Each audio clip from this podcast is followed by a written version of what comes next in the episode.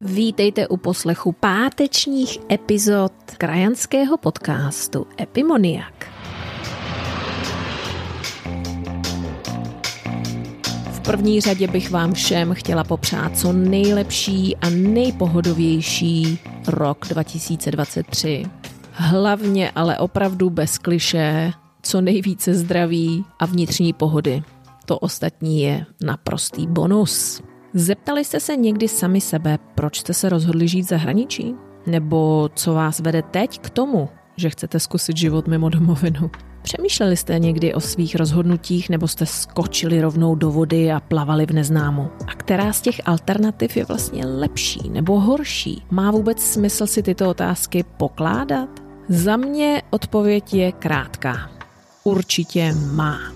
Protože, jak se říká, chytrý člověk se učí z vlastních chyb, ale genius se učí z chyb druhých. Zdravím vás opět z Čelské pouště, mé jméno je Alena Cicáková a představuji vám první z krátkých pátečních hlasových zpráv, ve kterých se pokusím nastínit mou osobitou cestu do zahraničí ve spleti obdobných či odlišných příběhů a tím s velkou nadějí a vírou, že pomohu všem těm, kteří hledají odpovědi na životních rozcestích a při zásadních rozhodnutí týkající se života v zahraničí. A při tomto rozjímání mi budou pomáhat přátelé, posluchači, hosté a především lidé na slovo vzatí v různých oborech. Obzvláště mi na této cestě budou nápomocné psycholožky Michala Škrábová z Francie a Mila Della Briota ze Švýcarska. Já osobně jsem mimo můj rodný kraj už 25 let. Vycestovala jsem krátce po mých 18. narozeninách směr Velká Británie s velkým očekáváním, nadšením, ale především knedlíkem v krku.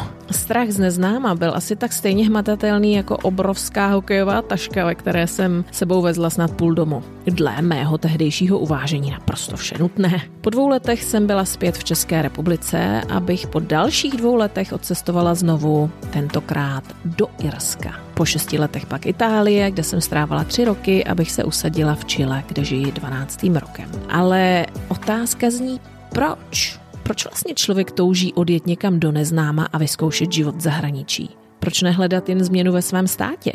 Nebylo by to bývalo dostačující? Proč si neudělat jen dovolenou? Není to triviální dotaz, nemyslete si. Pominuli neoddiskutovatelný fakt, že ze všech rozhovorů tohoto podcastu vyplývá, že život v zahraničí je nesmírně obohacující ve všech směrech. Ta pravá odpověď na důvod, proč odcestovat, je pro každého z nás velmi individuální. Když se totiž podívám zpět na mé osobní rozhodnutí a udělám jakousi revizi důvodů, zdají se mít přímo čarou linii vysvětlení. No, ale samozřejmě jenom pro mě.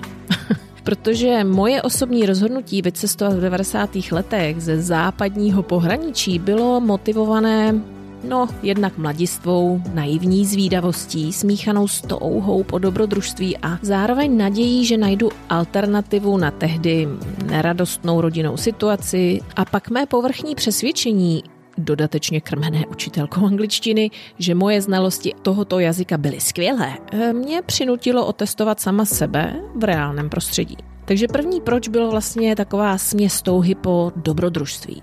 Takový dočasný azyl jinde a řekněme jazykové zdokonalení. Asi člověk se zeptá, přemýšlela jsem ale o tom, co mě tam čeká? Vůbec ne.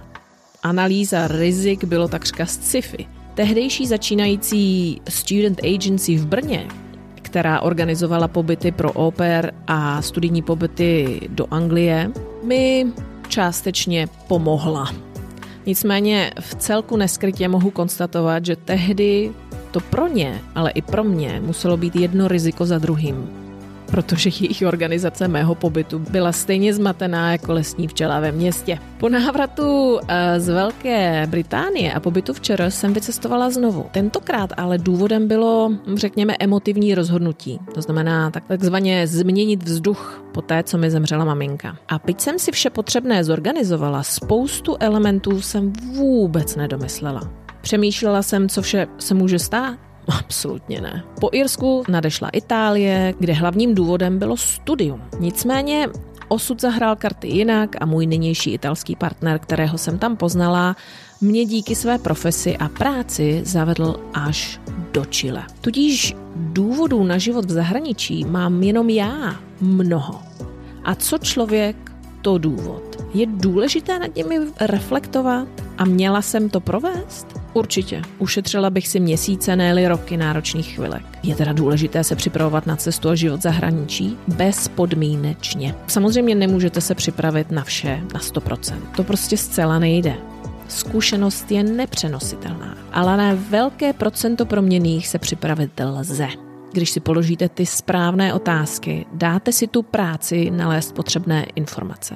Co je teda třeba zvážit, než vyrazíte do zahraničí? A jaké dotazy bychom si měli položit? Jaké dotazy jste si pokládali vy? Není to o tom, jestli máte či nemáte jet. Já osobně jsem zastáncem, že vyzkoušet život v zahraničí je takřka nutností.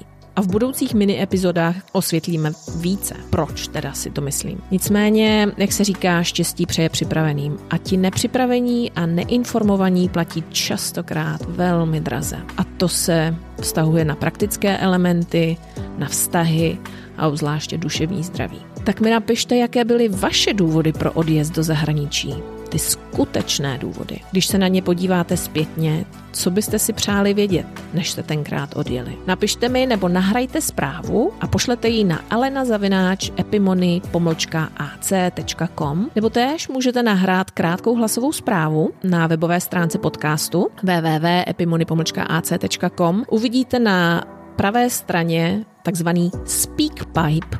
Na to jenom kliknete, nahrajete zprávu dáte svůj e-mail a mě už se to doručí. Prosím rovněž o písemně nebo hlasově uveďte, zda souhlasíte s případnou publikací vašeho příspěvku. Děkuji a budu se na vás těšit opět za 14 dní. Mějte se krásně.